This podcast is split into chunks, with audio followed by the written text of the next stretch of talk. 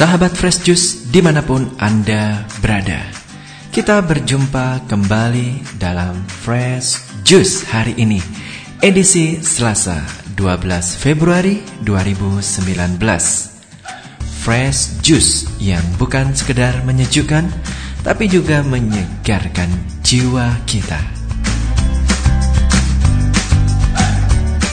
Sesaat lagi kita akan mendengarkan bacaan dan renungan yang akan dibawakan oleh Pastor Eltus Mali dari Makassar.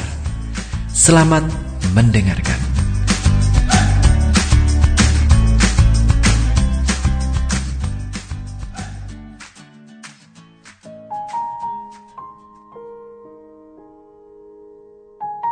Para pendengar Fresh Juice yang dikasihi Tuhan di mana pun Anda berada. Hari ini hari Selasa dalam pekan biasa yang kelima. Saya Pastor Eltus Mali kembali hadir dan mengajak Anda sekalian untuk mendengarkan INRI, yakni Injil dan Inspirasi hari ini dari perikop Injil Markus pasal 7 ayat 1 sampai 13. Marilah kita awali dengan tanda kemenangan Kristus Tuhan kita. Dalam nama Bapa dan Putra dan Roh Kudus. Amin.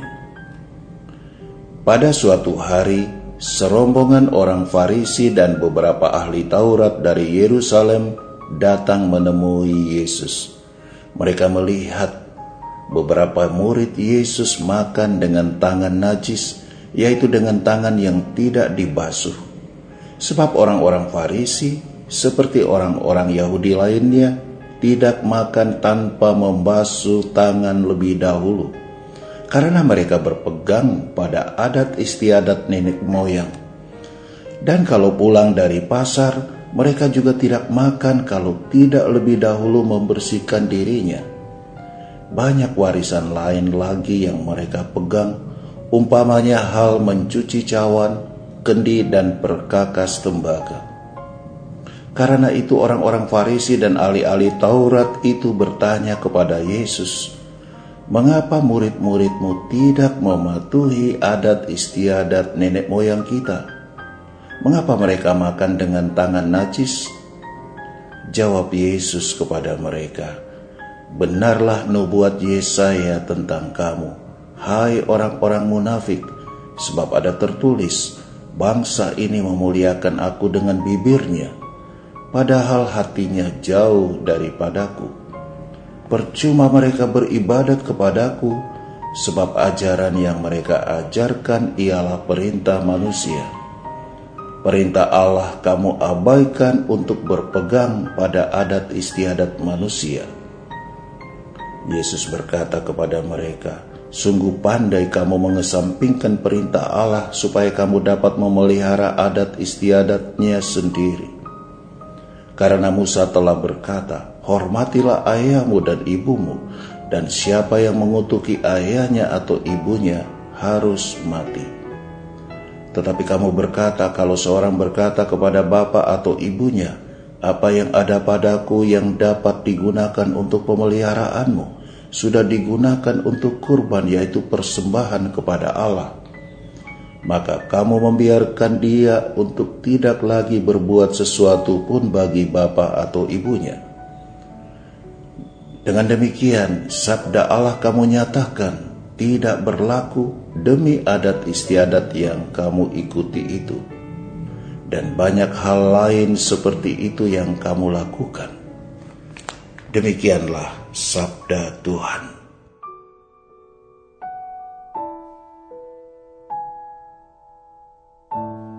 Saudara-saudari, Injil hari ini mengungkapkan kritikan kaum Farisi terhadap murid-murid Yesus yang tidak menjalankan aturan dan tradisi Yahudi yakni dengan tidak membasuh tangan sebelum makan.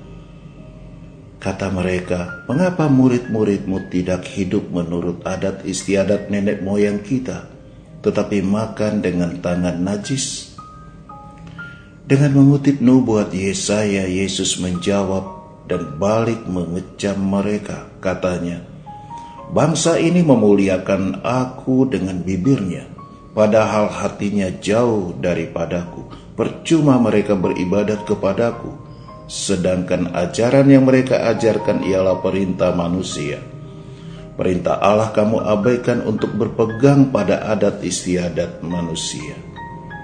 Saudara dan saudari, dengan pernyataan ini jelas sekali bahwa Yesus hendak menempatkan kehendak dan perintah Allah sebagai sebuah hukum yang tertinggi yang tak pernah boleh dikalahkan oleh aturan dan tradisi manusia.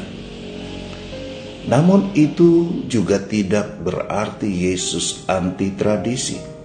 Nyatanya banyak hal yang bersifat tradisi juga dilakoni oleh Yesus.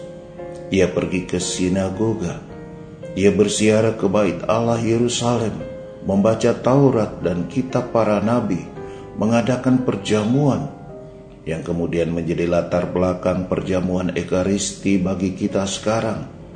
Semuanya itu adalah tradisi. Namun Yesus juga bersikap kritis terhadap tradisi, terhadap adat istiadat. Dan ia berusaha menggunakan tradisi dan memurnikannya untuk menjadi jalan dan sarana bagi manusia untuk mengenal Tuhan dan menjadikan Tuhan dan segenap kehendak dan perintahnya sebagai yang nomor satu, sebagai prioritas utama sasaran kepatuhan dan ketaatan manusia. Sikap Yesus terhadap tradisi bangsanya seperti itu tentu saja menjadi sebuah inspirasi juga bagi kita murid-muridnya zaman sekarang. Kita pun berhadapan dengan banyak praktek budaya dan tradisi, adat istiadat yang demikian beraneka ragam. Hal pertama yang boleh menjadi kesadaran kita bersama adalah bahwa gereja tidak serta-merta menolak apalagi anti tradisi atau adat istiadat ada tradisi yang membantu penghayatan iman, bahkan sejalan dengan ajaran iman. Yang demikian ini tentu bisa menjadi bagian dari apa yang disebut inkulturasi. Yang setelah dipelajari, diolah, dapat diintegrasikan dalam praktek ibadat dan liturgi gereja untuk membantu umat bisa menghayati ajaran dan teladan Kristus serta pesan Injilnya secara lebih baik. Pada sisi yang lain tentu ada pula tradisi yang tidak sejalan bahkan bertolak belakang dengan iman. Yang demikian ini tentu tidak dapat diakomodir oleh gereja. Memanglah benar bahwa banyak hal yang bersifat tradisi setempat di mana gereja berada haruslah disikapi secara arif dan bijaksana dengan tuntunan Roh Kudus. Mungkin banyak yang harus ditanggalkan, namun mungkin juga banyak yang dapat diterima setelah dikoreksi ataupun dimurnikan untuk membantu penghayatan iman yang benar. Demi kemuliaan Tuhan yang menghendaki keselamatan bagi semua manusia, segala zaman, segala etnis, beserta seluruh ciptaan di planet mana pun juga. Bukankah Tuhan bisa berkarya melalui berbagai macam cara dan sarana?